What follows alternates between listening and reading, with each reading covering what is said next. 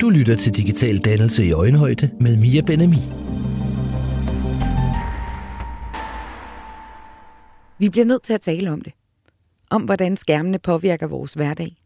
Hvordan den påvirker vores børn, vores familier, vores relationer og os selv. Igennem det sidste årti er skærmene gået fra noget stationært, vi aktivt skulle opsøge, til at følge os overalt, hvor vi er. Det har ændret på måden, vi er sammen på, og det har skabt en masse følgeproblemer, som vi først nu begynder at forstå alvoren af. Igennem en række podcasts er jeg gået i dialog med nogle af landets førende eksperter på området for at undersøge, hvordan de sociale medier påvirker os. For verden er forandret, og generationskløfterne er mærkbare i en tid, hvor de unge bevæger sig i voksenfrie internetmiljøer. Børnene er alene sammen i Fortnite-universet, og voksne deler falske nyheder og skaber shitstorms på Facebook. Med hjælp fra landets fremmeste eksperter undersøger jeg den virkelighed, vi står i anno 2019. Min gæst i dag er Lykke Møller Christensen, som er uddannet journalist, kommunikationsrådgiver og ekspert i sociale medier. Lykke har skrevet bøgerne Guide til forældre med børn på sociale medier og Dit digitale barn har brug for en voksen. Lykke holder foredrag og laver workshops for både voksne og børn om sociale medier. Vi møder Lykke på Odense Musikbibliotek, hvor vi har fået lov at låne et studie. Programmerne kan høres som podcast, men er også at finde på YouTube. Og hvis du ser med der, vil jeg opfordre dig til at begynde at strikke, eller tegne, eller rydde op, eller hvad du ellers gør, når du lytter. For der er ikke rigtig mere at se, end det du kan se lige nu. Du lytter til Digital Dannelse i Øjenhøjde med Mia Benami. Hej Lykke, tak fordi du ville komme. Hej, og tak fordi jeg måtte komme. Jamen altså, det er jo en vigtig sag. Ja, det er det i hvert fald. Ja. Meget. Fortæl mig lige en gang, hvordan, øh, hvordan var din vej ind til det her med at tale om, øh, om sociale medier og digital dannelse? Min vej var faktisk, at jeg egentlig ser mig selv som sådan en, der kom fra industrien af. Altså jeg var, øh, jeg er uddannet journalist og kommunikationsrådgiver og øh, har været på de sociale medier siden dag 1, øh, at de kom til Danmark. Og øh, på et tidspunkt så begyndte jeg at rådgive organisationer og virksomheder i at brande og kommunikere på de sociale medier og blev uddannelseschef på området i en, på en større uddannelsesorganisation i Jylland.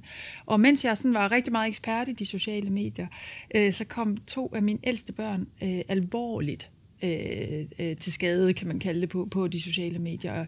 Øh, og det skete, selvom jeg vidste alt. Altså, jeg ved faktisk rigtig meget om alle mulige ting på de sociale medier, med meget om kommunikation selvfølgelig, og, og jeg synes egentlig også, at vi har sådan øh, gode, velopdragende børn. Øh, så, så det var en meget stor øh, overraskelse for mig, at det skete for os. Mm. Øh, og, og, og jeg kiggede på det tidspunkt efter eksperter, det, så det var i 2013 og 2014, der kunne noget på det her område. Jeg synes faktisk ikke rigtigt, der var nogen. Der var mange eksperter som mig fra kommunikationsbranchen og reklamebranchen, men der var ikke rigtig nogen eksperter i, hvad gør vi så med det her?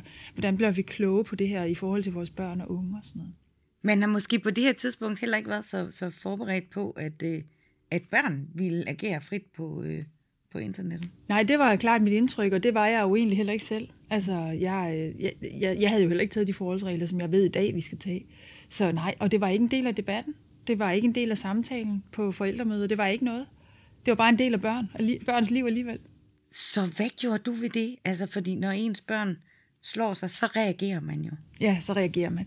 Altså, de to meget sådan håndgribelige situationer, der, ske, der var for mine børn, det var, at min, min datter blev mobbet, øh, og havde faktisk en hadegruppe imod sig. Det var sådan ret voldsomt. Øh, og det forsøgte øh, jeg simpelthen at reagere på med det samme, da jeg fandt ud af det. Jeg vil lige sige, at der gik noget tid, inden jeg fandt ud af det. Ja. Øhm, og reagerede ved ligesom at kontakte andre forældre og skolen og sådan noget. Der kunne jeg høre, på det tidspunkt, der var der sådan noget, vi ikke talte om. Og der var det lidt øh, en udfordring, at jeg vidste så meget om de sociale medier, så jeg vidste, hvor skulle de klikke, hvis de skulle se nærmere og sådan noget. Og de vidste det faktisk overhovedet ikke. Øh, så der var jeg oppe og ringe, og min søn han øh, blev sådan truet af nogle pædofile, og det første, vi gjorde, det var selvfølgelig at gå til politiet, og der kunne jeg sådan ligesom høre, der var der altså heller ikke den der viden om de her ting. Så jeg begyndte at, at, at, at selvfølgelig agerede vi i de her to situationer konkret, og fik dem løst på en eller anden måde. Men så begyndte jeg at interviewe en masse børn, for ligesom at finde ud af, hvad sker der i jeres liv? Hvad er det, I laver, når I trykker og klikker og sidder med telefonen? Og, og jeg troede ærligt talt kun, det var os, der havde den oplevelse, altså mine børn, der havde den her oplevelse. Ja. Men så fandt jeg ud af, at det var det overhovedet ikke. Altså det var jo ekstremt så mange børn, der havde de her oplevelser, og som havde dem alene uden forældre. Og i 2016 så udkommer så øh, din bog øh, Sociale medier, øh, børn og sociale medier, øh, guide til forældre med børn på sociale medier. Og sidenhen, så er der så udkommet øh, den her, den er udkommet for nylig her i 2018. Dit digitale barn har brug for en voksen. Og især den her har brug for en voksen, det er noget af det, som, øh, som jeg har, har noteret mig rigtig meget, fordi det er i virkeligheden også voksne, der skal hjælpe øh, øh, børn og unge, når de, når de agerer på nettet. Hvordan gør vi det bedst? oh, det var det store spørgsmål. Det var det store spørgsmål. Jeg ved, du har set der over 200 sider i, i, bogen og i bøgerne, ikke? Og vi har heldigvis god tid. altså, øh, vi gør det først og fremmest, og det er egentlig derfor, jeg rigtig godt kan lide titlen på den her nummer to bog, den her De digitale barn har brug for en voksen, for ja. vi gør det først og fremmest ved at erkende, at børn og unge selvfølgelig har brug for voksne ja. i den her del af deres liv, som ikke kun fylder ekstremt meget af deres liv, men som også er et sted, hvor de agerer socialt og, og, og prøver sig selv af at gøre, som de gør i alle andre dele af deres liv, hvor vi egentlig fuldstændig er overbeviste om, at der er brug for voksne. Det er ligesom om, at her har vi sådan ikke helt enten erkendt det, eller ved ikke rigtig, hvordan vi skal gøre det, eller blive ved med at tage det sådan, altså gribe det her forkert an. Mm. Så, så vi gør det ved først og fremmest at erkende, at børn har selvfølgelig brug for voksne, når det kommer til den digitale del af deres liv også. Ja. Du holder foredrag om det her, du kommer ud på, på, øh, på rigtig mange skoler og taler både med, med børnene og med, og med forældrene. Hvad er det, du oplever, når, øh, når du er ude og, og tale med børnene? Jamen ved du hvad, jeg oplever faktisk noget, jeg bliver ved med at opleve. Nu har jeg arbejdet med det her emne i fem år, og jeg bliver faktisk ved med at opleve, at, at der er rigtig mange ting, de ikke ved og mange ting, de ikke tænker over. Ja. Øh, for eksempel ved de ikke, hvordan de i reelt passer på sig selv øh, på, på, på spil og på sociale medier. Altså, det, det, er, det er børn i 3. klasse, der måske sidder og chatter med fremmede, uden øh, og overhovedet har talt med deres forældre om det, mm. eller øh, har måske heller ikke en privat profil på Instagram, men en helt åben profil. Eller, øh, og så er der også rigtig mange børn, og der er vi altså helt nede i indskolingsalderen, der ikke ved, øh, der ikke helt tænker over, at det man ikke skriver, eller det, man ikke vil sige, skal man heller ikke skrive. Og, øh, der er mange af de lidt ældre børn og unge, de kender simpelthen ikke reglerne stadigvæk for fordelinger af billeder og alt muligt andet. Alle de ting, vi tager for givet, at de nok kan regne ud, som de søde, dejlige børn, de er ellers, jamen øh, det har de ikke nødvendigvis konverteret til det digitale. Så det er en urskov af ting, de ikke ved. Og så er der så nogle ting, som de måske endda ved, fordi de har fået det fortalt, men som de ikke nødvendigvis tager i brug, når de så sidder der digitalt, fordi det ligesom ikke er talt ind i deres digitale liv. Altså, du må ikke snakke med fremmede, du må ikke skrive med fremmede. Jamen, hvad så, hvis det er sådan en, en sød italiensk pige, der skriver pænt til mig? Ikke? Altså, det, de konverterer ikke nødvendigvis deres hverdagsfornuft til, når de sidder online. Men gør vi voksne det? Og det er jo det, der er kernen i hele min, min fremtidige arbejde, det er faktisk, hvad gør vi så ved de voksne? Ja, fordi altså, når vi snakker digital dannelse, så er det vel i virkeligheden ikke kun øh, børnene, vi skal have fat på. Overhovedet ikke. Vi tænker os ikke om. Nej. Det gør vi simpelthen Nej. ikke. Vi, vi er stadigvæk sådan øh, lidt, øh, vi tager det stadigvæk ikke helt alvorligt nok, og vi leger lidt i det, og ja, jeg tænker, jamen, her går det nok lige at være på grænsen, eller ja, vi, ja, egentlig konverterer vi heller ikke vores dagligdags sunde fornuft til det digitale. Nej, og man kan sige, mange af de, de, de øh, gode råd, det her med, at børn for eksempel ikke må, må, må snakke med, med fremmede, altså mange unge og, og voksne bruger jo nettet i den grad til at, og, og snakke med fremmede, med Tinder og med, med andre øh, interessegrupper, at man, man møder folk på nettet. Mm. Fuldstændig, og det gjorde jeg i øvrigt også selv, da jeg startede. Ja. Jeg kan huske, at for, for mange år siden, det var før Facebook og før LinkedIn og de der, jeg sad og debatterede på vores børn, altså nogle af de her forældremagasiner og sider, mm. hvor man debatterede med alle mulige, men jeg var overhovedet ikke kendt. Man kunne godt se, der stod MK et eller andet, men man debatterede der også, og jeg har da, gør, gør det da i virkeligheden stadigvæk. Ja. Så det, det er meget sjovt, øh, den her. Så, jeg vil ikke sige, at det nødvendigvis gælder det her med, at du må ikke tale med fremmede, men det er mere sådan at få talt ind i, så hvem er det, så vi taler med, og hvordan gør ja, Eller hvordan passer du på dig selv, når du Præcis, taler med fremmede? Ja. Ja. Men, men hvad er det så? Altså, en ting er, hvad du oplever med børnene, men, men du snakker jo også til forældrene og med forældrene. Ja. Hvad oplever du, når du, når du taler med dem? Jeg oplever en meget, meget stor usikkerhed og berøringsangst. Og jeg oplever, øh, hvad hedder det, også efterhånden mere og mere, at de tager det rigtig alvorligt, men de stadigvæk ikke ved, hvordan de skal gribe det an. Jeg oplever, at de regler, vi for eksempel taler om, at børn og unge ikke kender, om det så kan være reglerne for deling af nøgenbilleder, eller sikkerhed, eller helt alle de regler, vi tager for givet, de øh, har taget for givet, at de har kunnet, dem kender forældrene heller ikke. Altså, de kender heller ikke reglerne for, for, for nogle billeder må man dele, hvornår skal man spørge først, og alt det der.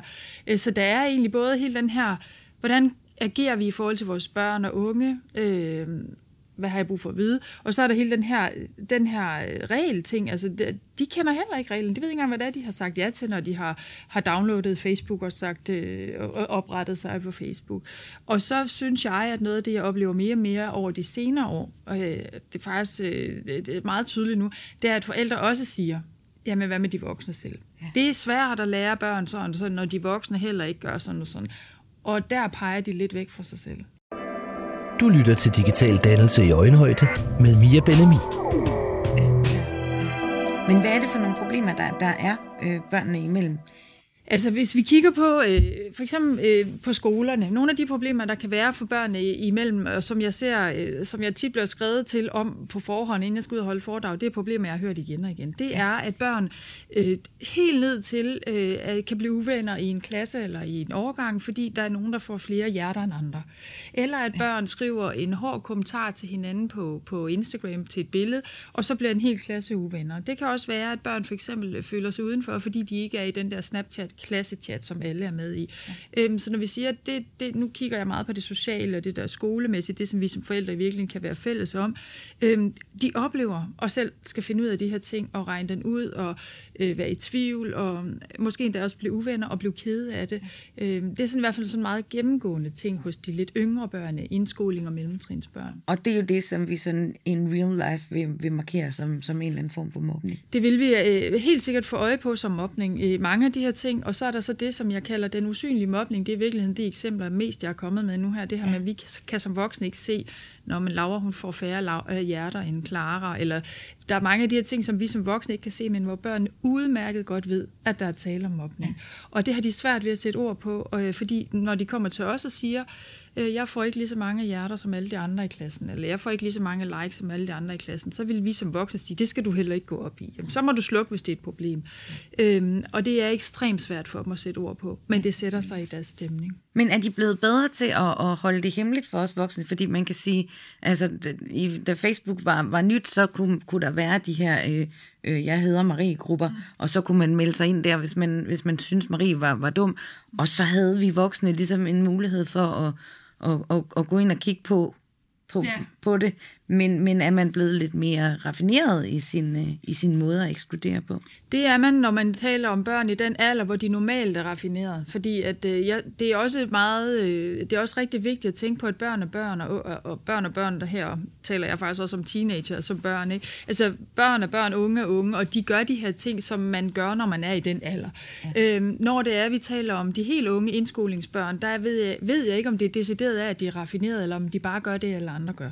Mm. Det vil sige, lad være med at like, eller lad være med at invitere en ind i den der fælles chat, eller gri- lave grinesmiles til en lidt negativ kommentar. Du ved sådan, de gør typisk det, de ser andre gøre. Hvis, ja. så, så, så jo, der er noget raffinement, men det, det, der skal de være modne på det digitale, synes jeg, før de tager de emner, øh, emner i brug. Jamen, og der er måske i virkeligheden også noget af det, som, som, som de betragter som, som sovende, som, som vi måske ikke rigtig ser ja. øh, som voksne. Hvis, der var, hvis jeg havde skrevet et eller andet på Facebook, og, og der, nu ved jeg lidt om det, så, så, men, men hvis, en, hvis et tænkt eksempel kunne være, hvis man skrev en kommentar på, på Facebook, og der så var nogen nede under, der skrev spurgt. Ja. Det ville man ikke som voksen sådan uh, tænke var noget helt særligt. Nej. Men hvad er det, det her uh, spurgt?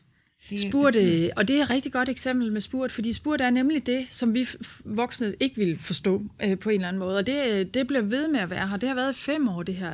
Spurt, det betyder, har jeg egentlig spurgt dig? Ja, skulle du spørge fra nogen? Ja, ja. hvad rager det mig? Ja. Øh, og spurt er jo øh, også noget, de har taget med ind i skolegården. I flere år har lærere øh, fra tredje årgang op efter klaget over, at de går og siger spurt til hinanden, eller når læreren siger noget til dem, så siger de spurt. Så det er, det er et meget godt eksempel på noget, de har taget med ud i det virkelige liv. Men spurgt, det er virkelig en rigtig åben erklæring af, at jeg er da ekstremt ligeglad med det, du lægger op her. Og hvis der så er rigtig mange, der liker det der spurt, jamen så vil spurt vokse. Fordi ja. børn kan godt lide at få likes, så der er flere, der skriver spurt, hvis de kan se, at det giver likes. Ja. Øhm, og spurgt er også sådan en ting, hvor, hvor, hvor der, hvis der endelig var en, der kom til en lærer eller til en forælder og sagde, øh, der, øh, Peter har skrevet spurgt til mig mange gange, og så går vi hen til Peter og siger, hvad betyder spurgt? Og så vil Peter sige, det er bare for sjovt. Ja. Øh, og, det, og der må vi altså kigge på den person, der er blevet udsat for spurgt, og så sige, og så høre, okay, det bliver han ked af, så kan det, altså, vi skal ikke høre på ham eller hende, der siger, det er bare for sjovt, vi skal simpelthen lytte til dem, der bliver ked af det der spurgt. Ja.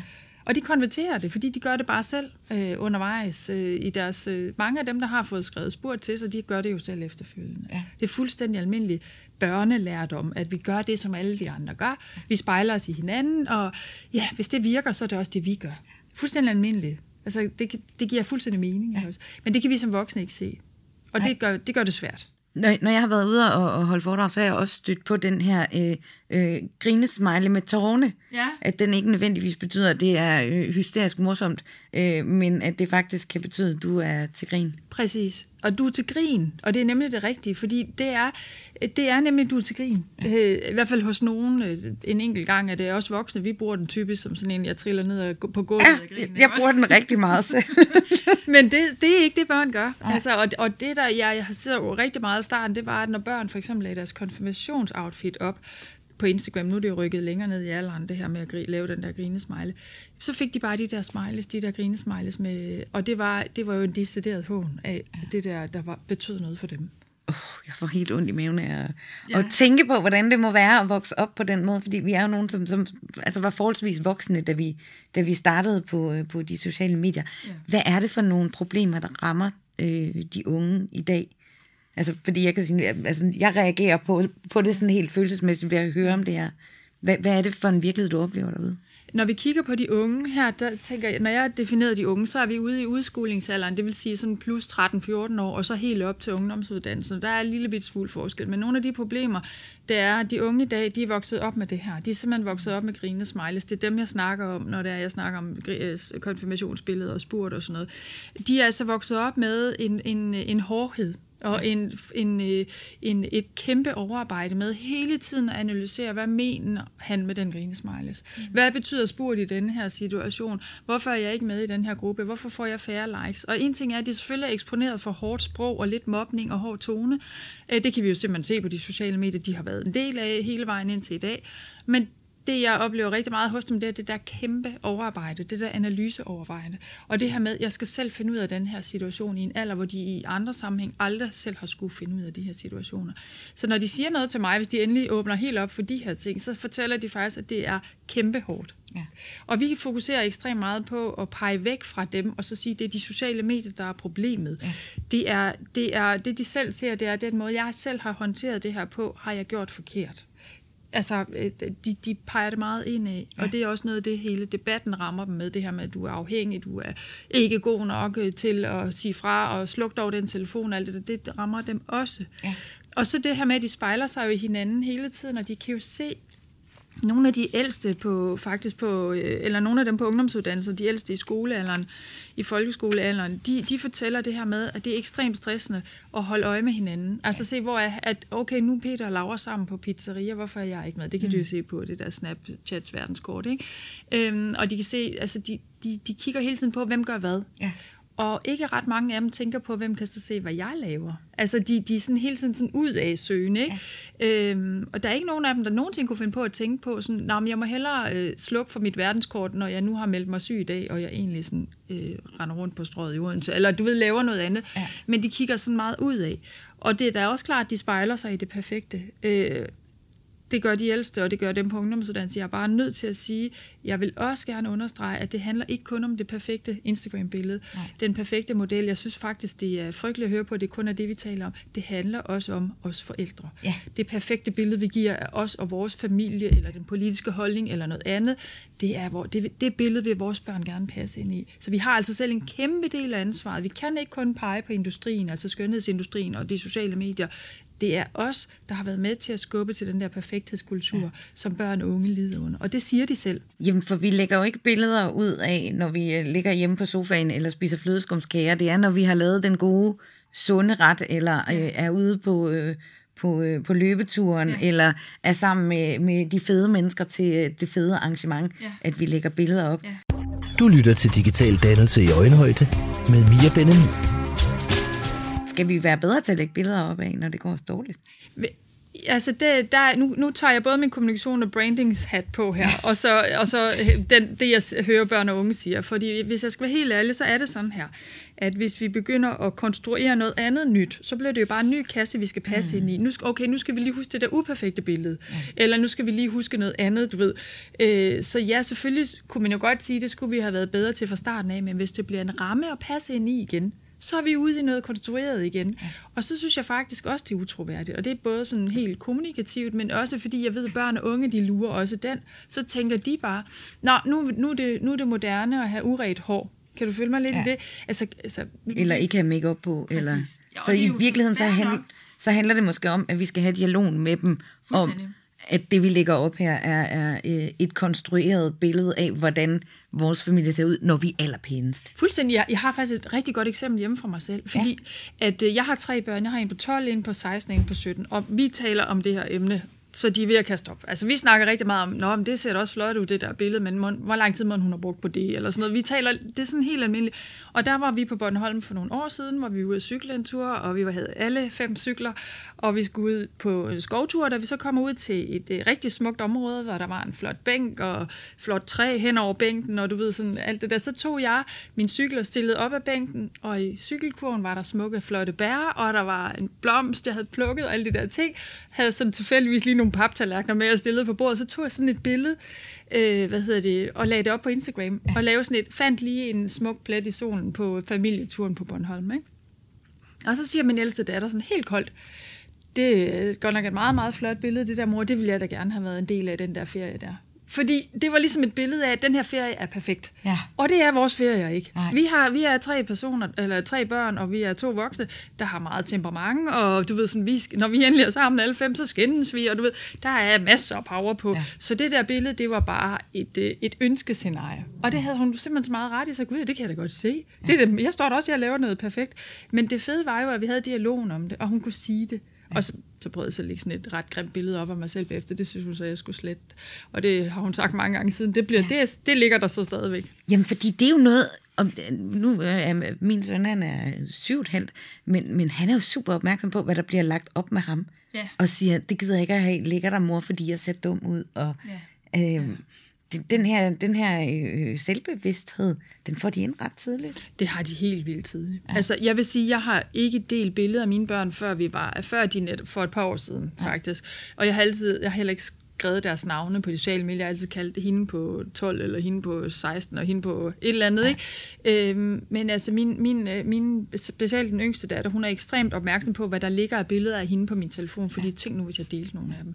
Så ja, det har de. Men det kommer vel i virkeligheden også meget an på, hvilke generationer vi som forældre er, men også hvilke generationer vores, vores børn er. Nu er jeg selv øh, øh, øh, generation Y, og min søn mm. er generation Alpha, og, ja. og, og du er så lige, øh, ja, lige lidt ældre. imellem der, hvor man kan ja. sige, altså de her alfabørn, de er jo vokset op med, at deres mor har siddet med snuden nede i iPhone, mens de er blevet ammet. Ja. Øh, nogle af dem har endda fået tabt en, øh, en mobiltelefon ned i hovedet. Ja, øh, jeg ved det virkelig, fordi... Ja, du har prøvet det. jeg har, og det kan jeg lige så godt... Det er ikke noget, jeg er vildt stolt af. Det kan jeg godt skamme mig lidt over. Men, men det er virkelig... Øh, jeg har tabt min iPhone ned i hovedet på min baby. Fordi jeg sad og var i gang med at købe tøj til ham. På den, jo, altså. Det giver fuldstændig mening. Ja. Jamen, det gør det jo. Fuldstændig. Men, men, men, men de er jo en generation, som er, som er vokset op med, at, mm. at, at vi forældre sådan hen ad vejen har skulle tage stilling til, mm. hvad er det egentlig, vi har gang i. Ja, det kan man sige. Det var, hvis din søn er 7,5, sagde du, ikke? så er du i hvert fald ikke på det tidspunkt, hvor, øh, hvor, hvor du har øh, vokset det op med ham, øh, hvor vi har talt om det her emne, og overhovedet haft øh, opmærksomheden omkring det. Nej. Det jo først nu. Ja. ja. Og Jamen, det, og det, det kommer også meget ind på, hvornår man, man startede. Jeg startede på de sociale medier i, i 2006, ja. og var meget aktiv, og havde jo meget af mit liv der, indtil jeg fik, fik en familie, ikke også? Jo, Ja. Fuldstændig. Og, og mange af dem, som netop også har fået børn sidenhen, de har jo mødt hinanden via de sociale medier. Deres liv har ligesom groet fra de sociale medier. Deres ja. børn er en del af deres, øh, hvad skal man sige, sociale medieidentitet. Ja. Det er fuldstændig, øh, altså det er hverdag for mange. Ja. Det er det. Men det her med, at vi som forældre øh, deler, det, det kan jo også lede op i en af de andre ting, som du, du siger, en af, altså mobning er et af problemerne.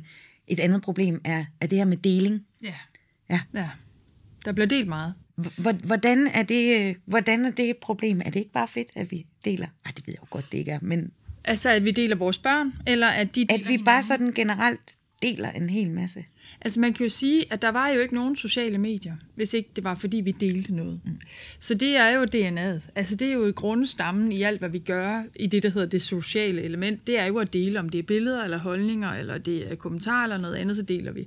Øh, og den visuelle del er også blevet øh, altså moderniseret. Det er simpelthen blevet, bare blevet en kæmpe stor del af os. Så, så det er jo det, der binder noget sammen.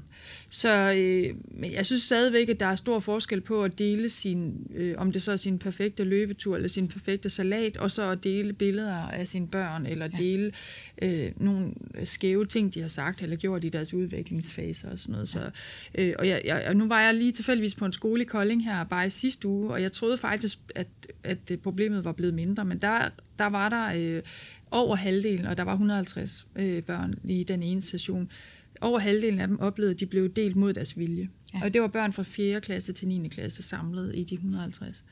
Øh, og der blev jeg overrasket, fordi jeg synes faktisk, at tal daler. Jeg synes, der er færre og færre børn, der føler, at de bliver delt mod deres vilje. Men jeg synes, at det går lidt op og ned i bølger, det her. Ja. Det er sådan lidt, øh, men, men jo, det er da et problem at blive delt, hvis man ikke vil deles. Ja. Og det er da egentlig også et problem, øh, hvis man øh, har, ligger, der ligger babybilleder, hvor man har bare, bare numse og alt muligt andet på, på, på de sociale medier. Ja. Pludselig en dag, så skal man have en kæreste, ikke også? Det er jo, det er jo der, de der 15-16-årige er i dag. Det er enormt bevidste. Det synes de ikke er fedt. Nej, Nej det synes de Nej. ikke, det er. Og jeg tænker jo også, at det er lidt med hovedet under armen, fordi jo mere vi deler, jo, mere, jo mindre bevidst bliver andre og vores børn jo selvfølgelig også om, hvad det egentlig er, de deler. Jo, men det handler vel også om, hvad det er, de spejler sig i. Ja. Fordi man kan sige, sådan en fyr som øh, øh, ellers udmærket Instagrammer Anders Hemmingsen, ja. han deler jo også øh, øh, øh, billeder og videoer af mennesker i situationer, hvor de måske ikke er super bevidste om, at, øh, at de bliver, ja. bliver filmet. Det er derfor min kerne, min kerne, jeg føler min kerneopgave, det er at gøre folk bevidste. Ja. Træffe bevidste valg. Ja. Øh, ikke dele, fordi alle deler eller noget, men det der med bevidsthed omkring, hvad er det, jeg deler? Fordi der er jo intet problem i at dele. Nej. Der er intet problem i at dele og, og, og dele, interagere med hinanden. Der, bare vi ved, hvorfor vi deler det, og hvad vi vil med det her, og hvad det egentlig fortæller om os, når det vi deler. Ja. Og når børn og unge også begynder at tænke på, hvad er det, jeg vil med det her, hvorfor deler jeg det, og hvad er det for en historie, jeg fortæller om mig selv, altså når de kommer i den alder, hvor det ligesom giver mening for dem at stille dem det spørgsmål, men så synes jeg ikke, der er noget problem i, at vi deler. Ja. Det er en kæmpe stor positiv ting i de sociale medier, hvis vi skal kigge på den del. Det er det. Ja. ja. Jeg synes også, det er skræmmende at tænke på, at øh, altså, hvad man kan opleve, når man er når man er ude altså, øh, i, i, i verden. Jeg er simpelthen så glad for, at der ikke fandtes øh, sociale medier på den måde, dengang jeg gik i byen i min gymnasietid, for eksempel. Helt vildt. Ja. ja jeg, jeg var tilbage på mit gamle gymnasium her, som ligger i Odense, hvor øh, jeg holdt et foredrag her for, for et par uger siden. Øhm, og det første, jeg egentlig tænkte, da jeg gik ind ad døren, det var, hvordan vil jeg have det i dag, hvis der havde været sociale medier, da jeg gik her? Hvad er det for et liv, jeg vil vende tilbage til? Ja. Øh, eller være en del af stadigvæk? Og det er jeg bare rigtig, rigtig glad for, at, at, det, at jeg ikke stod i det problem, eller i den udfordring. For jeg ser jo desværre, at hvor meget godt der end er, så er der altså også nogle følgevirkninger, som jeg er bekymret for. Ja. Hos børn og unge, og hos voksne også i virkeligheden. Ikke? Ja. ja. Og det er simpelthen den her hovedløse deling, hovedløse ageren og interageren og reageren. Du lytter til Digital Dannelse i Øjenhøjde med Mia Benami. Vi taler jo om, om det her med øh, digitalt dannet, det digitalt dannede menneske, og her i din bog, øh, Dit digitale barn har brug for en voksen, der øh, skriver du, og jeg har markeret det, fordi jeg synes, det var så klogt, øh, at øh, måske er et digitalt dannet menneske snarere et menneske, der kan overføre sin almindelige sunde fornuft til den digitale verden. Øh, hvordan gør vi det? Det gør vi. Øh, ser det ud som om. Nu øh, er jeg jo netop ikke forsker og psykolog, men jeg er hende, der har været ude og praktisk gøre de her ting og prøvet det her i efterhånden mange år. Og, øh, og det, jeg har oplevet, det er, når vi har lavet det der perfekte digitale dannelsesprogram for børn og unge, så giver det i virkeligheden ikke ret meget. Men og når vi har sagt til dem, du må ikke øh, snakke med fremmede på de sociale medier, du, skal, du må ikke dele nøgenbilleder, du må ikke, du må ikke, du må ikke, så giver det ingen effekt, for det har de hørt, men de skal kunne overføre det til alle de situationer, de sidder i. Så det vi gør, det er, at vi taler mere om det. Ja. Det lyder så fuldstændig latterligt, øh, hvad hedder det, banalt, men det handler simpelthen om, at vi skal have langt mere dialog. Ja. Og det skal vi gøre på en måde, som, øh, som griber ind i alle dele af vores liv på, på, ved spisebordet. Øh, når vi har dialog om det digitale, så er det, med, så er det altid sådan noget, du må ikke, du må ikke.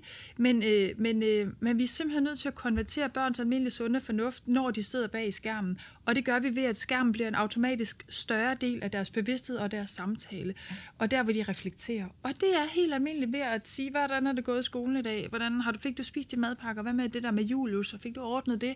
Og så, hvordan er det gået ved din telefon i dag? Og har du oplevet noget på de sociale medier i dag? Så vi kan tale om det og gøre det sårbart og menneskeligt og, og enkelt i virkeligheden at tale om det. Ja.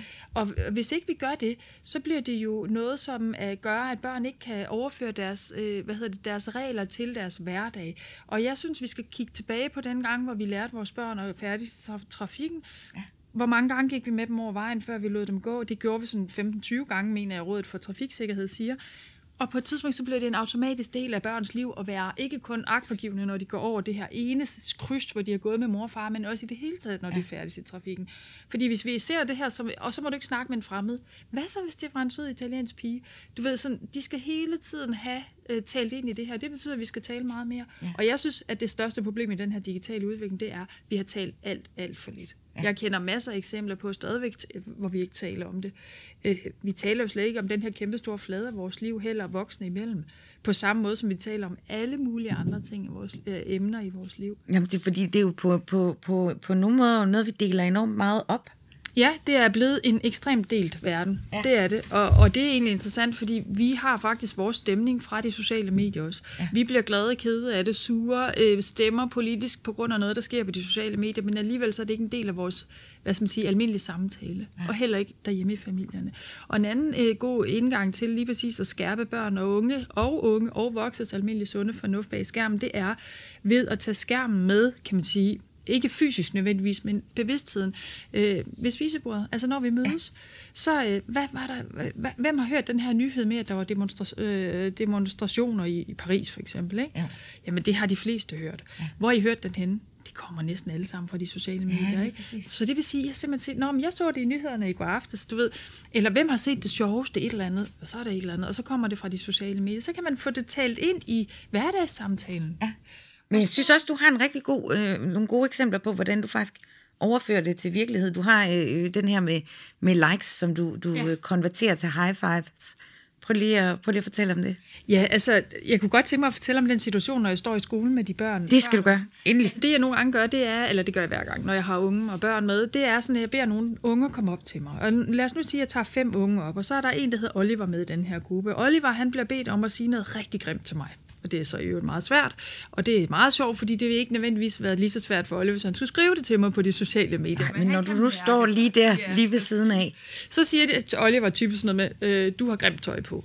Og så øh, beder jeg faktisk alle hans kammerater, alle dem, der også er kommet op på scenen, om at give ham en kæmpe high five, når jeg står ved siden af. Ja.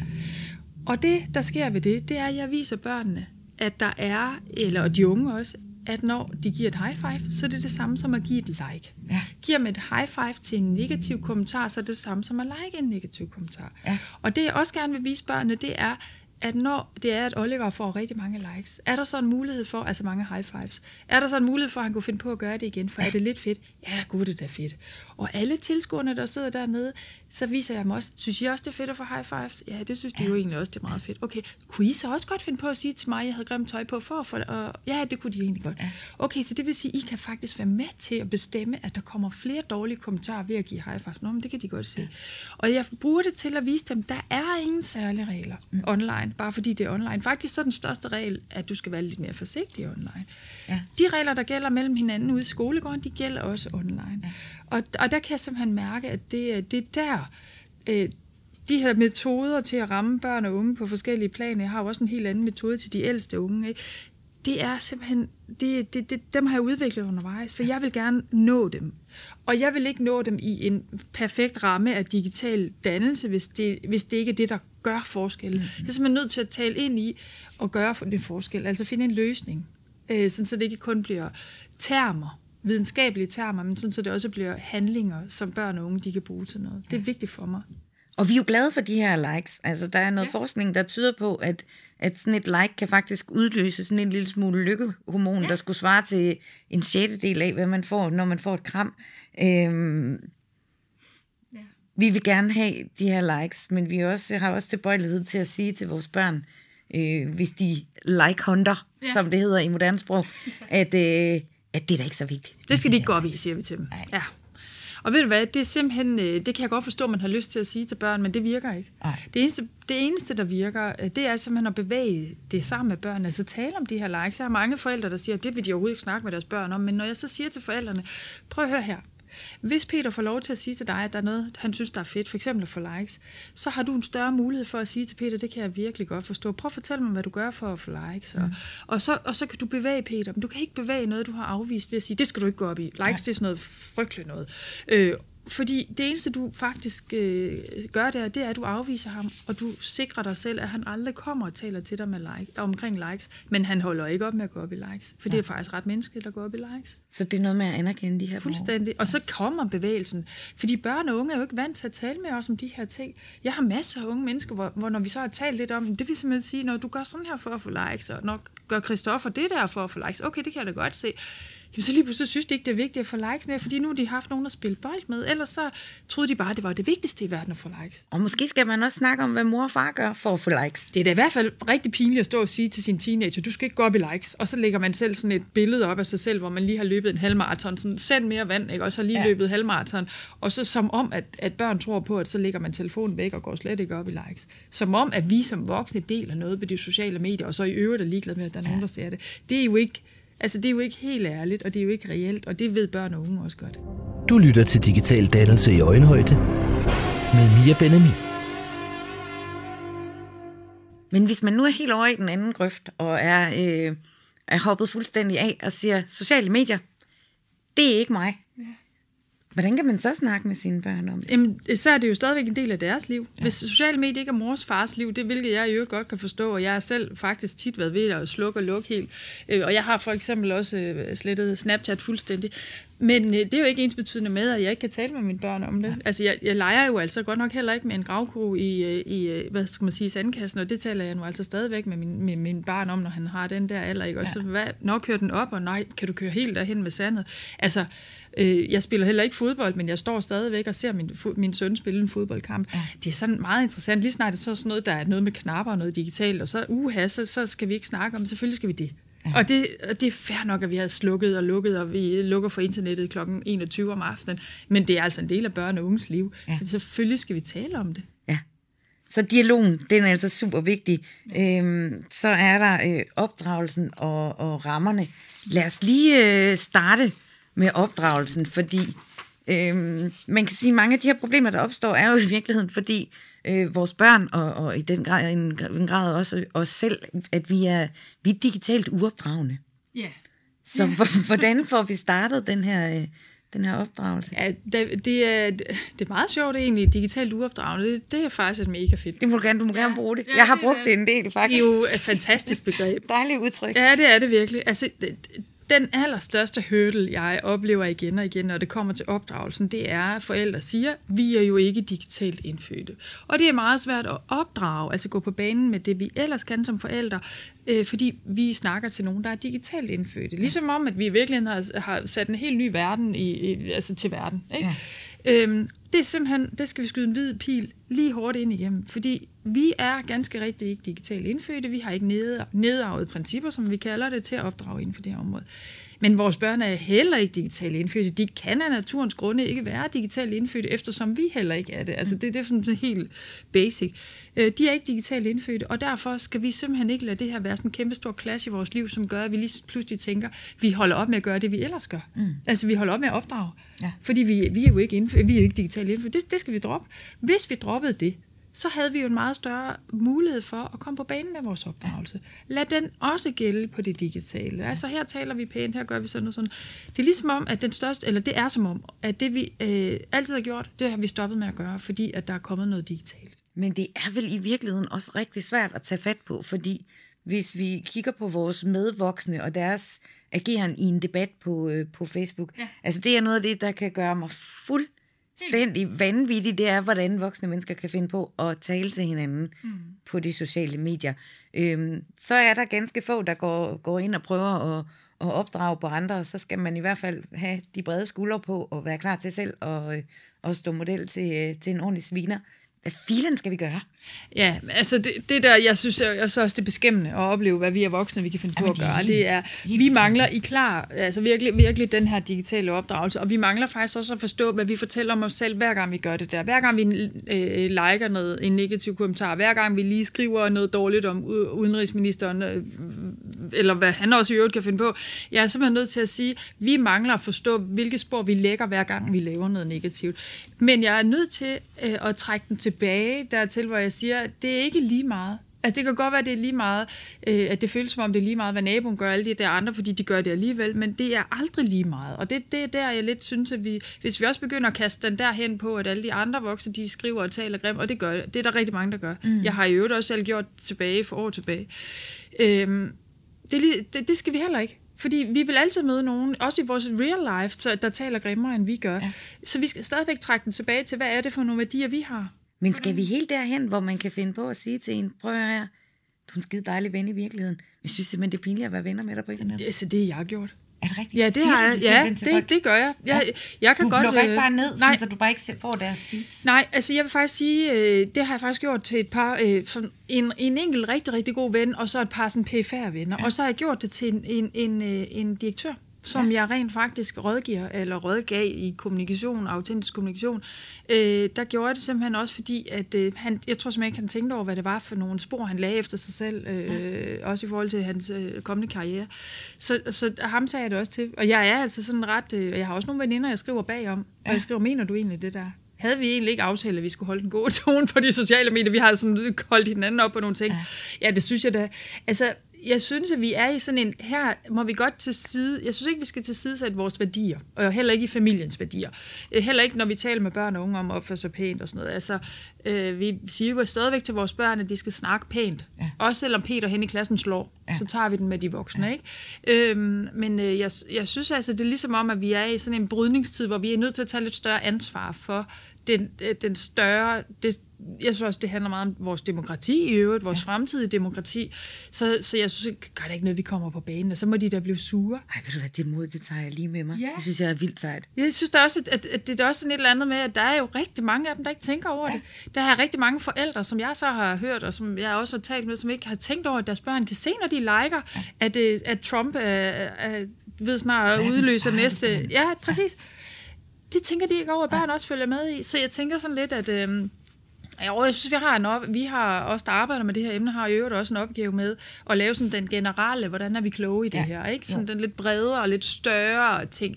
Men, Om øh, jeg er måske i virkeligheden sådan lidt konfliktsky, når jeg er på de sociale medier. Ja. Jeg kan godt være lidt bange for at sende signaler om at at mene for meget til det ene, eller til ja. det andet. Og, ja. og, og, og det er jo fordi, jeg er bange for at komme op og skændes med folk på nettet. Altså, det, det er simpelthen en frygt, jeg har. Det er skændes med folk på nettet. Nej. Nej. Det, det, jeg, jeg synes, det, det er så pinligt. Ja, det kan jeg godt. Det, er, jeg tror ikke, det er alle, der kan mærke det. Nej. Jeg tror, der, jeg tror, det er mere eller mindre alle, der mm. lægger mærke til, om deres opslag har fået likes. Ja. Om lige hende der, der er rigtig, rigtig god veninde, hun stadigvæk ikke liker. Og gør alle de der andre ting. Jeg tror, vi alle sammen på en eller anden måde er øh, optaget af det, og det sætter sig på vores stemning. Det sætter sig på, hvordan vi, øh, vi, hvad vi synes om vores nabo, hvad vi synes om vores... Øh. Så på en eller anden måde, så tror jeg bare, at vi skal anerkende det, men så gå ind i det som voksne og tale med hinanden om det her som voksne. Ja. ja. ja. Men det er, altså, det, er, det er svært, det her med, hvordan vi agerer, og hvordan vi... Øh vi øh, får opdraget på hinanden. Heldigvis så findes der jo sådan nogen som dig, øh, som tager ud på skoler, og, og mig, som også tager ud og, og, og snakker med folk om det her. Og, og, og det er virkelig vigtigt, at vi får, får åbnet op for det. Du lytter til Digital Dannelse i Øjenhøjde med Mia Benami. Det er noget andet, som som jeg ved mange forældre slås med, det er det her med, med skærmtid. Ja. Øhm, og jeg synes, vi skal nå at runde det. Hvad gør vi? Altså, det, det, der er så godt, det er, at der er så mange eksperter. Der er jo også nogle psykologer og nogle videnskabsmænd, som arbejder mere med det her med skærmtid, end jeg egentlig gør. Jeg kigger rigtig meget på, at vi kan ikke forvente, at børn de selv tager ansvar for skærmtid. Og jeg, er, jeg kigger på de forskellige sådan, gen, generelle anbefalinger. Vi har ikke haft, øh, og, og så vil jeg vende tilbage til, vi har ikke haft dialog, vi har ikke opdraget på det område, og vi har ikke lavet regler. Jeg har så mange forældre, der siger, at jeg tør ikke. Altså, det er ligesom om, min, min datter hader mig. Altså, de, de her børn, de kæmper med næb og klør, når det handler om deres skærme. Ja. Men det gør de, fordi de fik skærmen, og de fik fri adgang til skærmen. Mm-hmm. Så hvis vi ruller den tilbage og siger det, som en ung sagde til mig, hvis jeg er slikskuffen åben, så tager jeg også slik hele tiden. Hvis mor sidder med snuden ned i ja, telefonen, mens hun siger, kan du lige lægge din, uh, din iPad fra dig, så uh, kan det også godt være lidt svært til. Jamen altså, vi skal kigge på os selv og vores eget ja. brug. Det er ekstremt vigtigt. Vi skal turde være ærlige omkring, at vores eget brug har konsekvenser for vores børn, og så skal vi komme på banen. Vi gav vores børn en telefon, og så var tænkt vi sådan lidt om, han lægger den nok, når han får firkantede øjne, men det gør de ikke. Nej. Så de skal hjælpes, og der er jeg simpelthen nødt til at sige, om det er, øh, jeg synes, de skal jo ikke sove med deres telefoner, de skal ikke spise med deres telefoner, de skal ikke sige godmorgen til deres telefon, og der her taler jeg hele alderen op, og de yngste synes jeg jo så overhovedet ikke skal have iPads og telefoner meget, meget tid. Hvornår synes du, man må starte? Altså, øh, anbefalingen lyder jo sådan for tre år. Altså, før de er tre år, har de overhovedet ikke brug for det. Altså, der er ingen, øh, der er ingen der kan påvise, at de, et almindeligt fungerende barn har brug for en iPad, før de er tre år. Overhovedet ikke. Jeg ved, det er mega... Og nu siger du har brug for, i virkeligheden er der vel ikke der er ikke belæg for, så meget, at, at man har brug for nej, den overhovedet. Det, nej, det, det har man ikke brug for. Men det man kan have glæde af den. har det i undervisningen og ja. i alle andre sammenhænge. Jeg synes altså, vi glemte fuldstændig at kigge på vores egen hovedpine. Når vi får hovedpine, når vi har haft skærmen for lang tid, så får børnene det jo også. Når vi ikke kan sove, fordi vi har ligget med telefonen, inden vi skal sove, så kan børn. Men altså, det her med skærmtid, hvis jeg lige må hurtigt sige, at vi kan ikke tage skærmene fra vores børn, uden at have en dialog med dem. Nej, for du skriver nemlig noget, som jeg synes var, var, var mega godt, øh, og som jeg egentlig også kan mærke, at det, når jeg gør det, så, så virker det heller ikke som, øh, som sådan et, et, et kæmpe omsorgssvigt. Som det, altså nogle gange så græder mit barn jo helt vildt, fordi at, øh, det gjorde han, da han var yngre. Nu synes jeg, han tager det ret pænt efterhånden. Men når man tager den der iPad fra et lille barn, ja. altså den reaktion ser du ikke, hvis du tager Lego fra dem, nej, for eksempel. Øhm, du siger det her med, at man, øh, man skal give besked i god tid om skærmfri tid. Ja, jeg, hold, jeg er ikke enig i dem, der siger, så skal du slukke, og du skal overhovedet ikke anerkende dit barns reaktion eller ja. dit unge. Man skal give besked i god tid, og det er der flere årsager til. Når barnet er mindre, så er det jo noget, man løbende har dialog omkring, så, så nu kommer mor snart og tager den og sådan noget. Ikke?